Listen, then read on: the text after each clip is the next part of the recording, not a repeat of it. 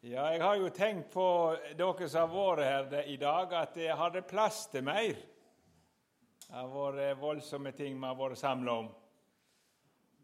Og det skal nå det til både å høre det og ta vare på det. Så jeg kommer på det her med en ryfylking som hadde vært på møte. Og Etter åpninga så reiste han seg og gikk ut gjennom døra og sa 'du er mett, du kan gå hjem'. Så jeg veit ikke.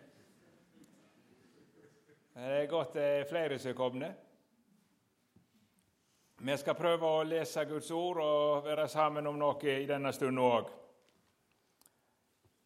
Og Jeg begynte så vidt på Salme 110, og på et vis skal jeg vel prøve å fortsette der.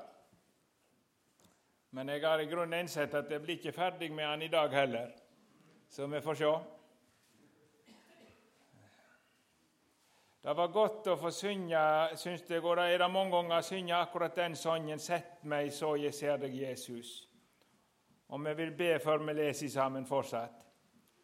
Kjære Herre Jesus. Vi samler her i ditt navn og for ditt ansikt. Og nå har vi ei bønn til deg, Jesus. Vi ber om Din hellige ånd både til tale og til å høre. At du kan virke sånn i våre liv at vi når målet. Og så du får bruke oss her i denne verden sånn som du ville. Vi legger hverandre på deg, og vi påkaller ditt hellige navn. Når du kommer til oss, er det nåde, og vi ber om det nå. Amen. Jeg leser de fire versene fra Salme 110, da. Fire første i Jesu navn. Av David en salme. Herren sa til min Herre, sett deg ved mi høyre hand til jeg får lagt dine fiender til skammel for føttene dine. Ditt veldes kongstav skal Herren rette ut fra Sion. Vær herre midt imellom dine fiender. Ditt folk møter villig fram på ditt veldes dag. I hellig prydnad kjem din ungdom til deg som doggord fange på morgenråden. Herren har svoret, og han skal ikke angre det. Du er prest til evig tid etter Melkisedeks vis. Eh, til Melkisedeks vis hører jo med at han var både konge og prest. Det har jeg bare sagt aller først. Nå begynte jeg sist eh, kveld jeg hadde med at eh, det er jo lett å bli motløs som kristen. Det tror jeg mange av dere er kjent med, og det skal jeg ikke ta opp igjen. Mange ganger så ser det ut som Jesus ikke har noe makt. For vi ser det ikke. Og det ser ut som kristendommen jeg nevnte det som en tapt sak. Du ser svakhet, du ser elendighet. Du ser fiendene, og de er sterke og mange. Og så kan du se på innsida hos deg sjøl, og så blir du motløs. Det er mange motløse. Og I den sammenhengen syns jeg denne salmen har vært voldsomt god for meg. Og Da stoppet vi for sist den første grunnen, så det handler jo om Kristi rike, det sin strid og seier.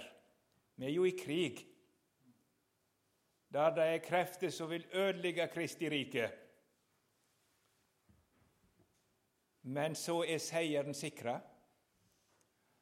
Og det har årsak, to årsaker. Hovedårsaken er det som vi stoppet hos sist, at Kristus har sett seg ved Guds høyre hånd, og der blir han sittende og hersker allmektig inntil alle fiender er tapt. Det er ingen som kan få Jesus vekk derifra. Ifra da han får opp til himmelen, så er han som menneskesønnen sann Gud og sant menneske, tatt plass med Guds allmakt. Og der skal han herske og føre sin krig inntil alle fiender har tapt. Og det er underlig å se. Vel høres titte rop som går at riket er lagt øde. Gud kroner like fullt sitt år med fruktbarhet og grøde. Av og til får vi noen glimt av det. For eksempel så fikk vi det eh, Misjonen vår var jo først Kinamisjon. 60 år var misjonærene i Kina, og så måtte de ut. Og så reiste Mao seg med revolusjonen for å knuse de kristne. Ut med misjonærene. Og så tenkte de nå går det galt. Nei, for Guds rike i Kina hang ikke på misjonærene. Det hang heller ikke på de kristne i Kina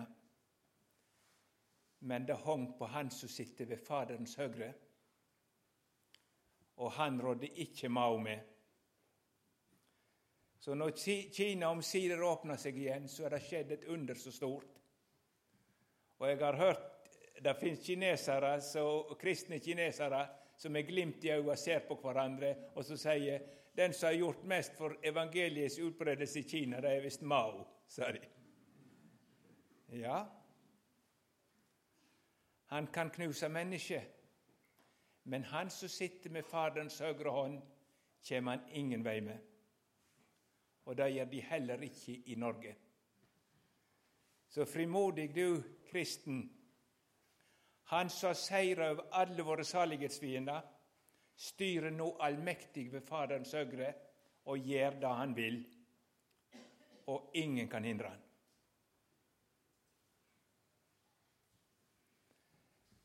Den andre grunnen som vi skal prøve å se litt nærmere på, det er at han har en forunderlig hær etter salmen her. For Herren eh, ja, han handler stundom direkte på jorda. Gjør han i domskatastrofer, det gjør han i hendelser. Men i grunn fører Kristus krigen sin ikke direkte, men gjennom sitt folk på jord. Jeg har tenkt på f.eks. med apostlenes gjerninger. Der begynner den litt merkelig. For der står det sånn Den første boka mi, Theofilus, altså Lukas, sender boka til Theofilus. Hva kar det var, vet vi jo ikke så sikkert. Men eh, antagelig kanskje en som skulle hjelpe han å mangfoldiggjøre det. Det er ikke så godt å si. Den første boka mi, Theofilus, skrev jeg om det som Jesus tok til med å gjøre inntil han var tatt opp til Gud. Nå kommer bok nummer to. Og den, Hvis han skulle fullført setningen sånn etter tanken, så skal han si nå skal jeg fortelle om det Jesus fortsetter å gjøre på jord. For Jesus slutter ikke. Så de gjerningene som det står om i apostelgjerningene, det er Jesu gjerninger. Det er Jesus som omvender 3000 på pinsedag. Det er Jesus som omvender Paulus og styrer den steg. Så sånn er det Herren virker på jord. Han er hodet for et legeme, der han gjør sine gjerninger gjennom et legeme, gjennom frelste syndere. Og det er denne hæren David ser, så han ser villig møte ditt folk fram på ditt veldes dag, på stridens dag. Så ser han en hær, så følger han villig. Og Nå kan jo vi i første omgang tenke at vi er visst ikke så villige. Men jeg tror ikke det er en av dere som sier at Jesus tvinger meg. Følger du Jesus, så gjør du det av hjertet. For han gjør det ikke med makt og tvang, men han gjør det ved å vinne ditt hjerte, så du følger han villig. Og det er din sorg når du følger han så dårlig, fordi du har fått et villig hjerte. De forteller meg nå, eller Jeg har hørt når Stalin skulle forsvare seg mot Hitler i Stalingrad. Det var noe til kamp, vet du. De klorde seg fram, russerne i ruinene, og holdt seg så de slepte ikke, og så fikk de knekka Hitler. Men jeg er ikke så sikker på at hæren til Stalin var så villig. Det var bare da at den som rømte ifra striden, han var sikra en stygg død. Du skal! Og den som kommer tilbake ifra striden, rømmer over, han er døden viss. Tvang. Sånn er det ikke med Kristi her på jord. Apostlene, bortsett fra Johannes, de døde som martyrer. De ville! Sånn har Herren en hær på jord, som møter fram på stridens dag. Og nå er det slik at det, i, det er ikke gjerninger og Det står i grunnen ikke å felle. Jeg kan ikke bruke uttrykk som at han har gjort seg avhengig av oss. Det klarer ikke jeg å si. Det er mange som prøver seg på sånt. Men det tror jeg ikke jeg kan si. Han sier om det teiet skal steinene rope. Så Herren gjør seg ikke avhengig av noen andre enn seg sjøl. Det gjør han ikke. Men han har i sin nåde valgt å dra oss inn, så vi skal få være hans redskap og være med i hans frelsende gjerninger. Som Faderen har sendt meg, så sender jeg dykk. Og så skal vi få være med i frelsens glede og få fryde oss sammen med Han. Så Han har sendt oss ut til å høste noe vi ikke har hatt strev med å så. Det er én som sår, og så er det en annen som høster. Jeg har sendt dere ut til høste noe de ikke har hatt strev med. Nei, han strevde og sådde inntil hele slekta si frelse var ferdig. Og så sier han nå må det bære hun ut til folket. Ja. Men det betyr ikke at det, det ikke er Jesus som virker. For en dag skal Guds folk si alt de har gjort, det har du gjort for oss. Jeg kom til å tenke på et ord i dag. De som følger med i debattspalte i Dagen, f.eks. Eh, hvis du har problemer med å bli deprimert, så kan du jo lese litt der. Eh, men det fins oppmuntrende ting òg. Det skal ikke unnslås. Men det, eh, jeg kommer på en stund og ikke mange viser, står det. men... Så er det noen ord som blir brukt og misbrukt, sånn som jeg kan se det, i voldsom grad. Og Der står det så, f.eks. i Johannes 14.: Sannelig sier, sannelig sier dykk, den som tror på meg, han skal òg gjøre de gjerningene jeg gjør. Og han skal gjøre større gjerninger enn disse, for jeg går til far min. Og så blir det sagt Jesus gjorde under. Du kan gjøre under. Jesus vekte opp døde. Du kan vekke opp døde. Og så er det som om vi skulle være noen eh, små Jesuser alle sammen, for å si det på den måten. Er det sånn meint? De har et syn på tegn og under som om israelittene måtte gå gjennom Rødehavet hvert år. Men gangen gjennom Rødehavet skulle forkynnes for slektene for at de skulle lære Gud å kjenne. Men de gjerninger som Jesus gjorde, skulle være i en særstilling. Det betyr ikke at ikke Gud kan gjøre under i dag. Men de tegnene som fulgte når Messias kom, skulle være spesielle. Så hele verden skulle forstå nå er han kommet. Eh, så det betyr ikke at vi skal ligne Jesus på den måten. Men det betyr at Jesus skal fortsatt gjøre noe i denne verden. Og det skal han gjøre i og gjennom sine. Så vi skal gjøre de gjerninga han gjør. Han virker i og gjennom sin menighet. Så når Peter forkynner på pinsedag så folk blir omvendt, så er det Jesus som gjør det. Og Peter er rik i Herrens gjerning. Ikke sant? Så det er Herren som virker på jord fortsatt. Gjennom sine lemmer. Og så er de troende med å gjøre de gjerningene han gjør utover jord. I og gjennom sitt folk. Så det er å være rik i Herrens gjerning. Det er Han som gjør det. Det er Han som virker dette nye, både trangen Det er Han som virker både å vilje og virke til Hans behag. Så når du er med i Herrens gjerning, altså er det hans, hans eie verk i og gjennom deg. Og det verket skulle ikke begrenses til Israel, men det skulle nå til verdens ende.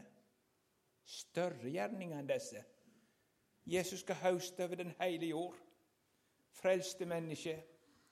Så han har frelst gjennom sine gjerninger, gjennom sin menighet på jord.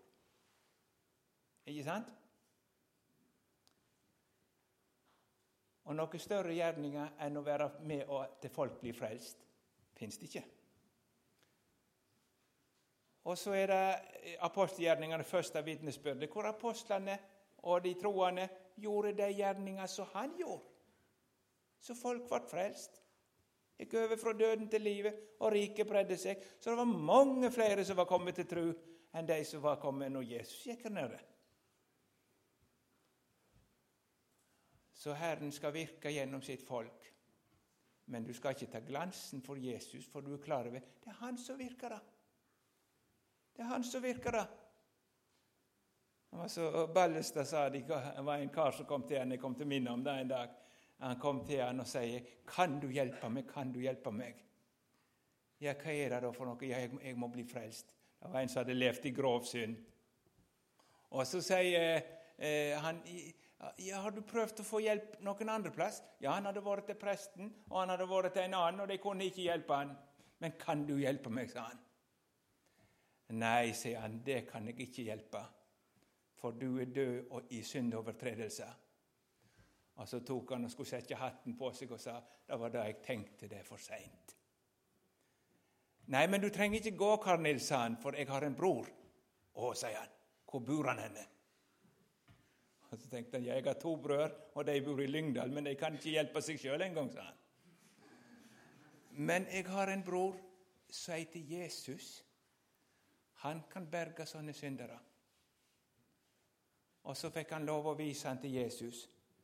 Og så skjedde en stor gjerning. Gjennom Ballestad sine ord frelste Jesus Karl Nils. Han var rik i Herrens gjerning. Skal gjøre de gjerninger som jeg gjør. Ja. Så Sånn går den her utover jord. Jeg skal ikke gå inn i alle disse uttrykk, og det er jo flotte, både kunstneriske og, og fine uttrykk, men eh, jeg antyda jo i sist time eh, at et bilde som dog Doggen som plutselig kommer på forunderlig vis oppifra, og så er han der. Sikta til Guds folk sin fødsel oventil. Som dog ordfanget på morgenråden. Plutselig er det der på forunderlig vis kommet ovenfra. Og så var jeg òg inne på den måten de strei på. De kommer til Herren for å stride, men òg i striden så er det de kommer til deg. Og Det syns jeg var så fint da vi ble minnet om eh, hun som skulle, så den gutten som satt oppi busken eller hva det var for noe, og sa 'Ingen som er glad i meg'. Og så begynte hun å be. 27 år, var det da. Og så blir denne karen et levende Guds barn. Striden, de kom til meg. Så de skal få gå ut med ordet, men i grunnen er vår seier at vi i alle ting og all nød tar vår tilflukt og kommer til Han. Kom til meg. Det syns jeg har vært godt. Dere som syns. Han står jo at de unge her, og jeg nevnte sist at de er Kristi her, de har framtida framfor seg. Så om du er 90 i Herrens her, så er du så vidt begynt. Du har framtida framfor deg. I evigheten lyser lang. Det ligger òg til den ungdommelige kraft så selv om vårt ytre menneske går til grunne, så fornyes vårt indre dag for dag, for det henger sammen med Herren. Så er det en ung her. Men om du syns du ikke makter så mye sånn, husk den første og fremste stridsmåten for Guds folk. I hellig skrud kjem din ungdom til deg. Så ser de hæren springe Kristus i favn. Det syns jeg har vært godt å tenke på. Men det som jeg ellers skulle eh, snakke om, det var jo at det, er en hellig her. Og da kommer vi bort i det som er problemet vårt når det gjelder vår gjerning og kristenliv. Jeg er ikke rein. Det var det som slo profeten Jesaja. Det er ikke godt å være profet når han står for Herren, og så ser han jeg er så skjeten. Munn, urein munn, ureine lipper. Jeg har sagt ting, jeg har gjort ting som ikke passer seg. Så passer ikke til å gå bud for Gud. Jeg er urein.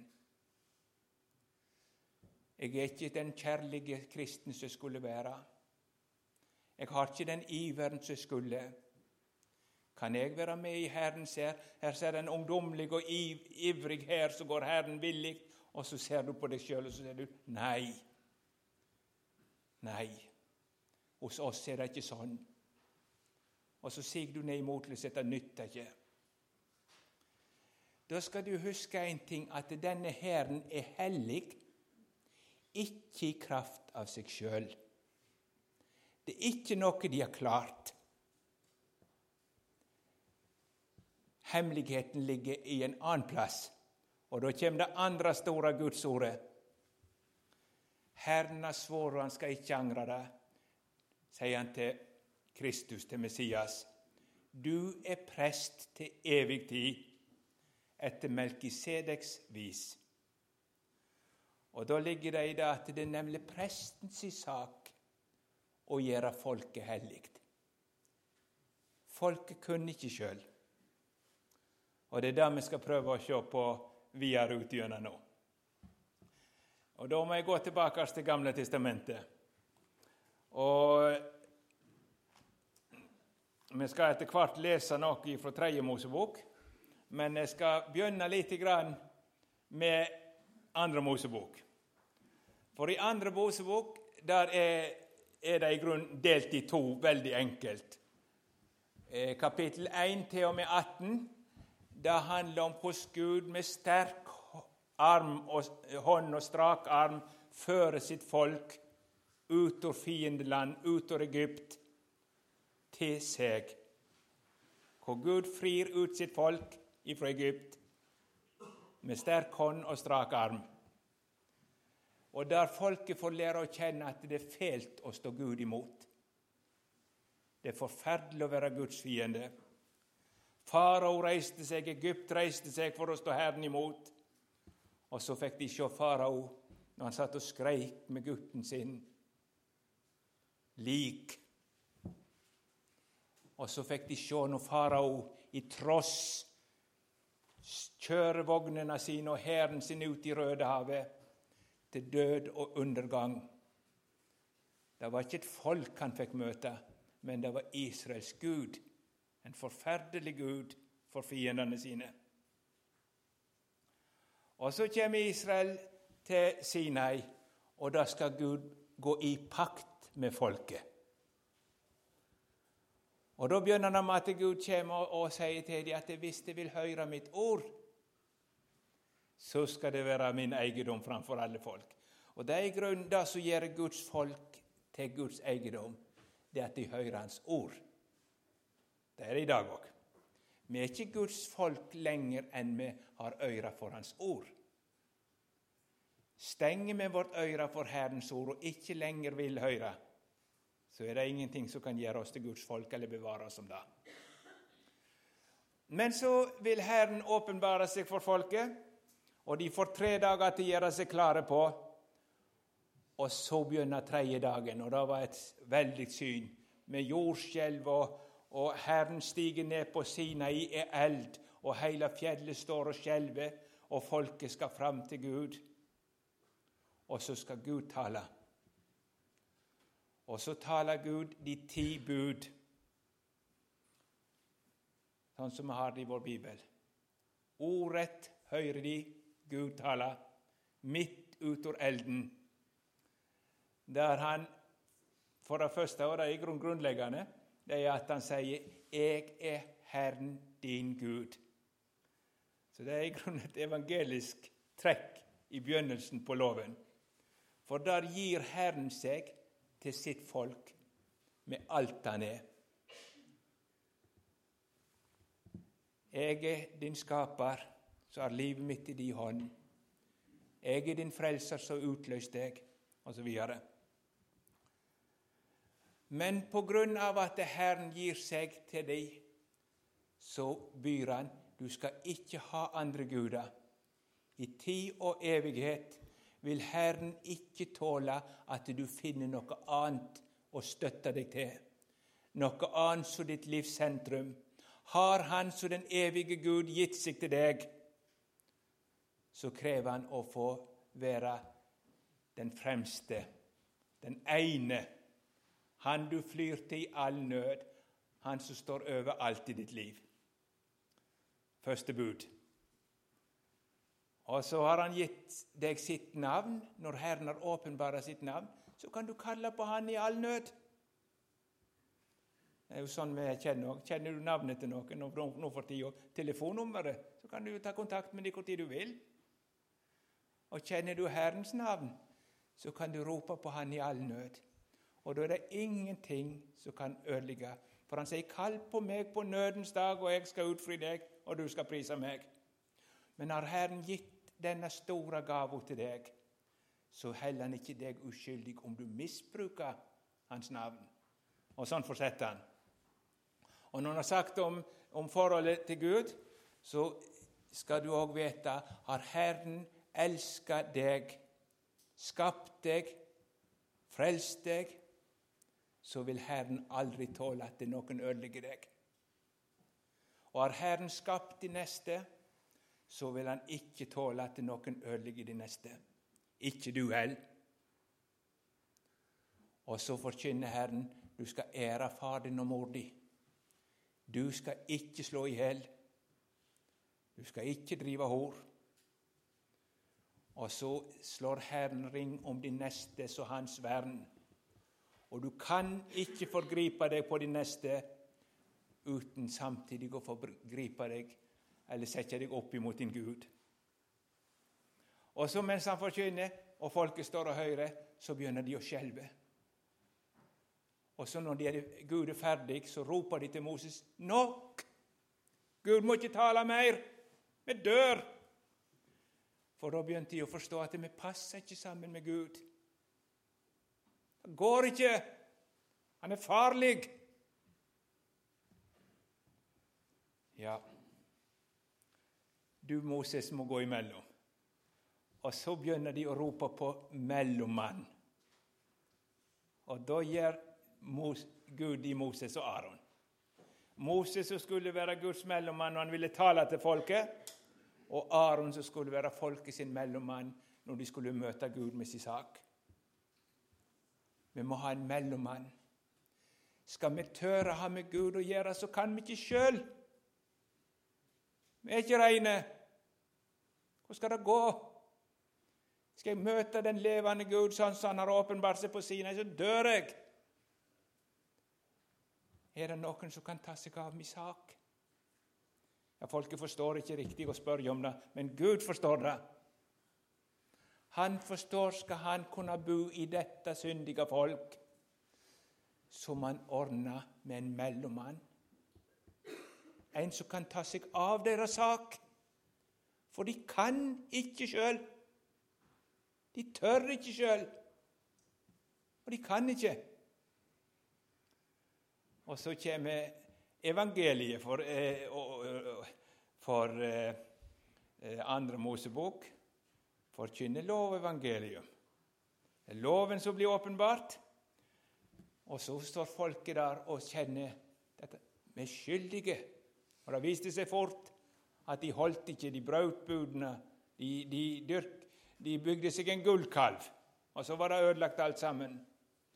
Skulle de kunne være Guds folk, så måtte det være på en annen grunn enn at de holdt budene. Det måtte være gjennom blod og soning. Og så blir det startet en soningens tjeneste i helligdommen, og en ordning for syndere, for at de kunne ha det rett med Gud. Et syndig folk. Og det syns jeg er så godt. Tenk deg at Gud i sin nåde har tatt bort ifra meg og ordna mitt forhold til Gud. Jeg skal slippe. Aron fikk ansvaret for folket. Du skal stå for deg, én for alle. Det er øverstepresten sin gjerning. Han skulle ta seg av forhandlingen med Gud. Han skulle ta seg av deres gudsforhold. Jeg syns det er gripende å tenke på. Og det er jo forbildet på den ene store han ville sjøl, Guds sønn, bli vår bror, storebror, som ville ta på seg alt for oss, så vi skal slippe å ordne med vårt gudsforhold, for vi har fått en storebror. En stedfortreder. Det syns jeg jeg må si at det er ikke mye som når hjertet mitt sånn som det gjør det med øverstepresten. Jeg syns de ser så godt. Når det ikke åpner seg for meg. Hvor folket Ja, vi skal komme inn på det etter hvert. Det må visst gjøre det. Eh, når du kommer ut i Tredje Mosebok, så begynner det å handle om eh, Tredje Mosebok er oppbygd akkurat som brevene til apostelen Paulus, iallfall eh, romerbrevet og, og noen. Første delen handler om hvordan de skal få det rett med Gud. Og andre delen er om hvordan de som det hellige folket som har fått det rett med Gud, skal leve i hverdagen. Akkurat likt. Én eh, til, eh, fram til og med 16-17 er om hvordan de skal få det rett med Gud og gudsforholdet. Og videre ut er det hvordan de som det hellige folket skulle vandre videre. Jeg formaner dere ved Guds miskunn, heter det i romerbrevet. I kunne det stått det samme i, i, i eh, Tredje Mosebok. Ja, men nå skal vi lese et trekk der det begynner med de forskjellige ofrene, brennofrene og, og sånt. Så kommer vi i kapittel fire til syndofferet og kapittel fem til skuldofferet. De henger sammen. For det er offer som blir båret fram når forholdet til Gud var ødelagt gått sunt. Det er skuldoffer og syndoffer. Forholdet til Gud var ødelagt på grunn av synden. Det var kommet noe imellom. Så det var et brutt forhold til Gud. Forskjellen på syndoffer og skuldoffer er ofte eh, karakterisert på den måten at eh, syndofferet er for hele personen, men skuldofferet er for en enkelt handling. på en måte. Jeg vet ikke om det er dekkende, men iallfall har de prøvd seg på det. Vi kan ikke lese store avsnitt der, men vi skal prøve å lese ett av de, og det er fra Mos, eh, Tredje Mosebok fire.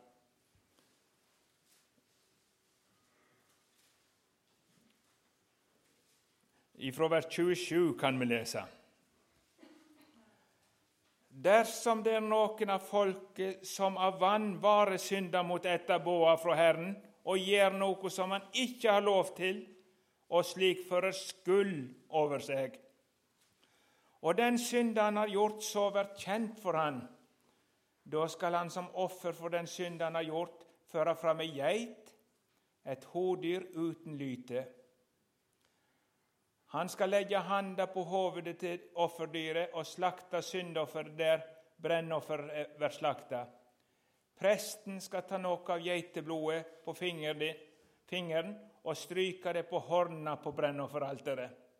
Resten av blodet skal han tømme attmed alterfoten. Alt fettet skal han ta ut, slik som fettet var tatt ut på fredsofferet. Og presten skal brenne det på alteret til hugnalig anger for Herren. Slik skal presten gjøre soning for han, så han får tilgivning. Ja. Jeg vet ikke om jeg klarer å male fram eh, en sånn situasjon. Her er det eh, Hele Israel sitt liv var jo innvevd i offer, og, og, og eh, fødsel til død var innvevd i offer, for de skulle lære et rett forhold til Gud har de kun gjennom soning og blod.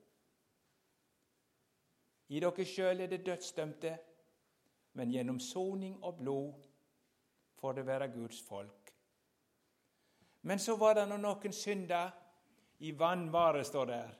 Eh, det er, jeg tror ikke det er helt god oversettelse. Jeg er ikke mann som er kar til å ordne opp i sånt. Det er ikke jeg.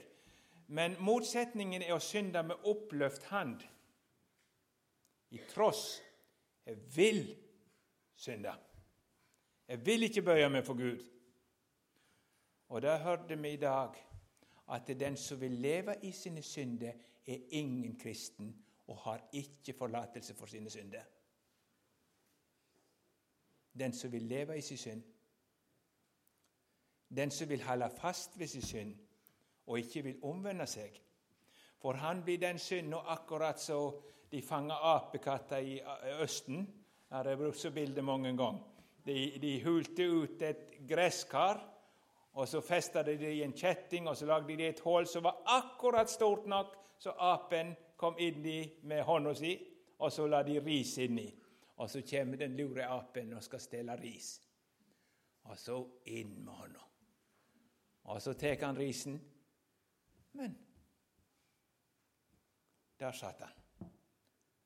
Han kom ikke løs, men han ville ikke slippe risen. Og der satt han i saksa til de kom og slo han i hjel fanga av at han ikke ville slippe det han greip etter. Det fins noen sånne som nok har lyst til å være Guds barn, men det er forhold i livet som de ikke har lyst til å gjøre opp, ikke bekjenne og omvende seg fra. De vil ha det. Ja, for slik er det ingen redning om du ikke vender om. Du kan vende deg og vri deg så lenge du vil, men det fins ikke annen vei enn at du gjør Gud rett.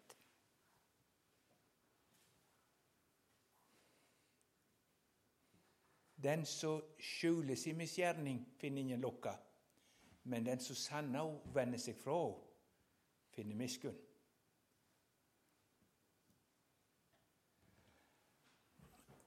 Så å synde vannvare er i motsetning til å synde med opplevd hånd. Du har falt, og du veit det var galt, og du visste det kanskje før, og så sørger du over deg sjøl. Og så er du bedrøva og veit ikke Ja, ja, bedrøva, det kan nå være så som så, med, men du har ikke unnskyldning, og du kan ikke unnskylde det. Og så skal jeg prøve å ta et sånt bilde. Det er en gutt Mor har vært sliten i det siste, og hun har mast mye på han.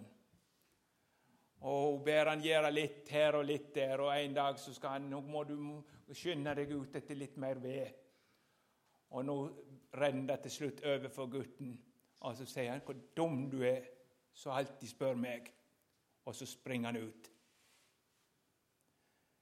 Men ute der går en gutt som har det vondt. Og når han snur seg mot leiren, så ser han skya over helligdommen. Og så veit han hva Herren sier om de så ulydige mot far og mor. Og så han fortvila. Det kommer noe mellom. Og han kjenner dommen i sitt hjerte. Hva skal jeg gjøre? Ikke fred hvor han går, for oppå han ligger skyld. Den synd som er gjort, blir liggende på synder natt og dag. Og det er ingenting som kan ta deg bort uten døden.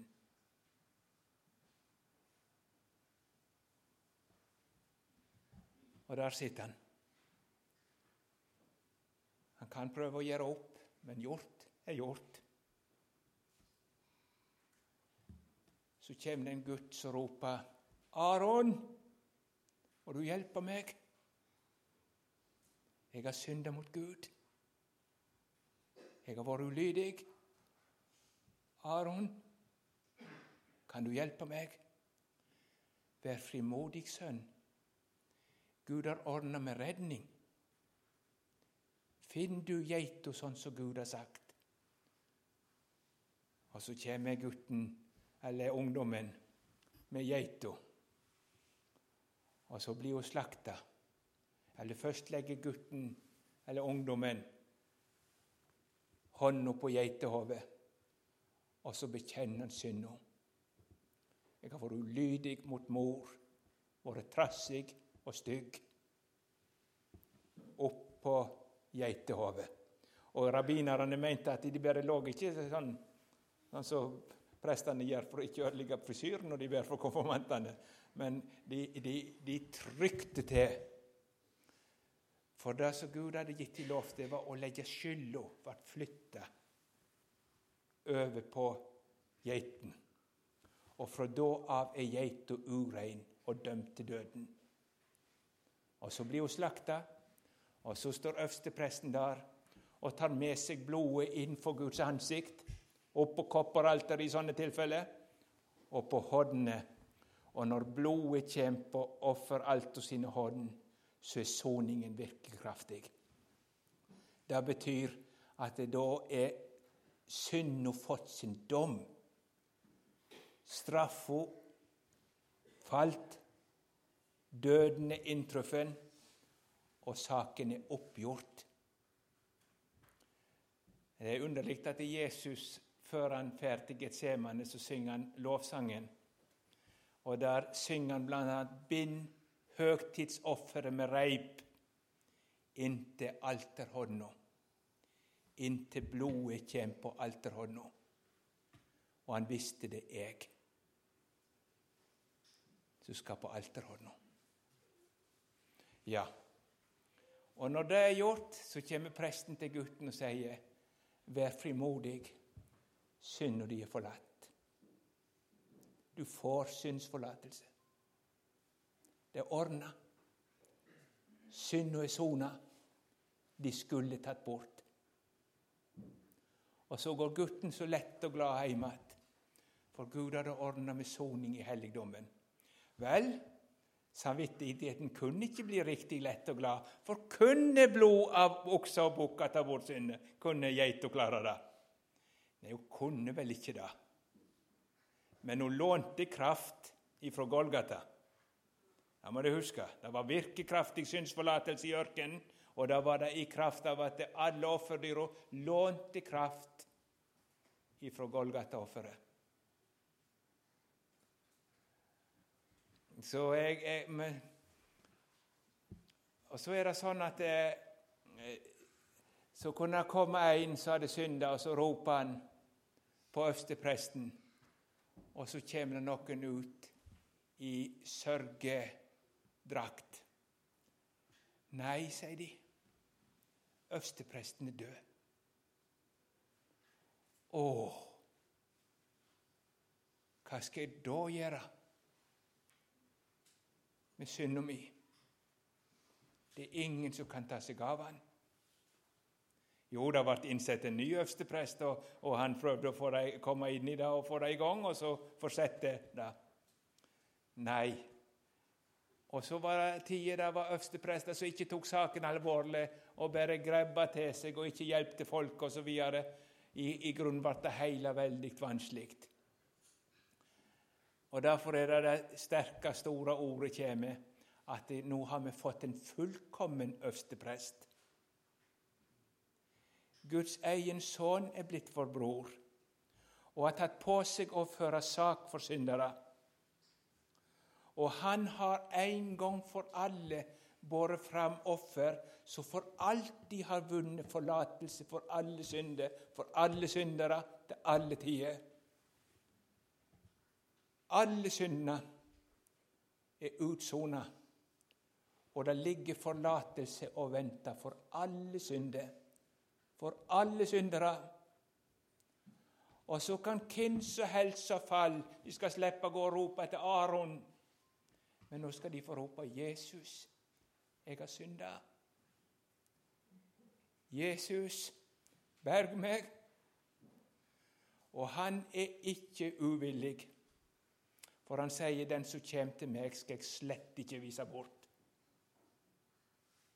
Men jeg skal gi han evig liv og reise han opp på den siste dag. Og Derfor er Guds folk i en lykkelig situasjon. Vi har en stor en som ordner med vårt gudsforhold som en gang for alle har gitt sitt blod til soning og utløsning for alle våre synder. Og han har funnet ei evig utløsning, står det. Ei evig utløsning. Så i Han har vi syndas forlatelse ved Hans blod, etter rikdommen av Hans nåde. Det ligger der. Er det noen bedrøva syndere her? Er det noen som kjenner på et vrangt og vondt hjerte? Han står klar. Kom til meg, det er så tungt å bære. Det skal få hvile ut. Kom. Og det er ikke én til dere som skal bli vist bort.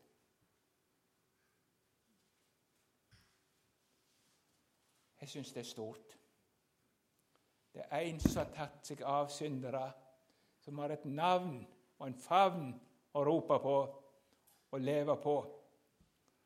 Og så har jeg lyst å fortsette med hans gjerning i himmelen, men da innså jeg at jeg ikke burde gjøre det i kveld. Og Derfor har jeg ikke lyst til å komme stort lenger. Men jeg har likevel lyst til å sitere fra eh, eh, det tiende kapitlet, der det står så har vi da, brød, i Jesu blod frimodighet til å gå inn i helligdommen. Der sitter Gud trona på den hellige lov. Det gjorde han nemlig i helligdommen.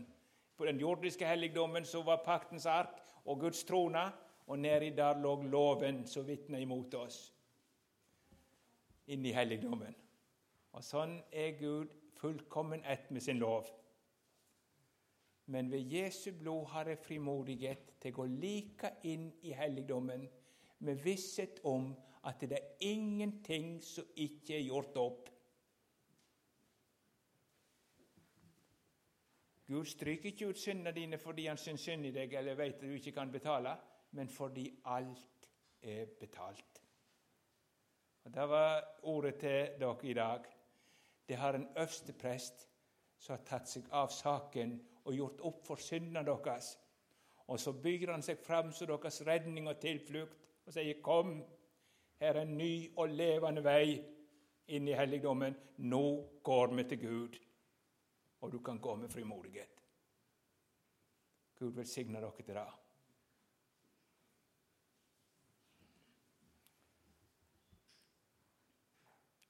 Om noen tøster, kom til vatnet. Kom, la oss føre sak med en annen, sier Herren. Om synda dine som purpur, skal de bli hvite som snø. Om de er røde som skarlagen, skal de bli som den hvite ull. Kjære Jesus, nå vil vi takke deg for ditt ord. Helg oss i sannheten. Ditt ord er sannhet. Amen.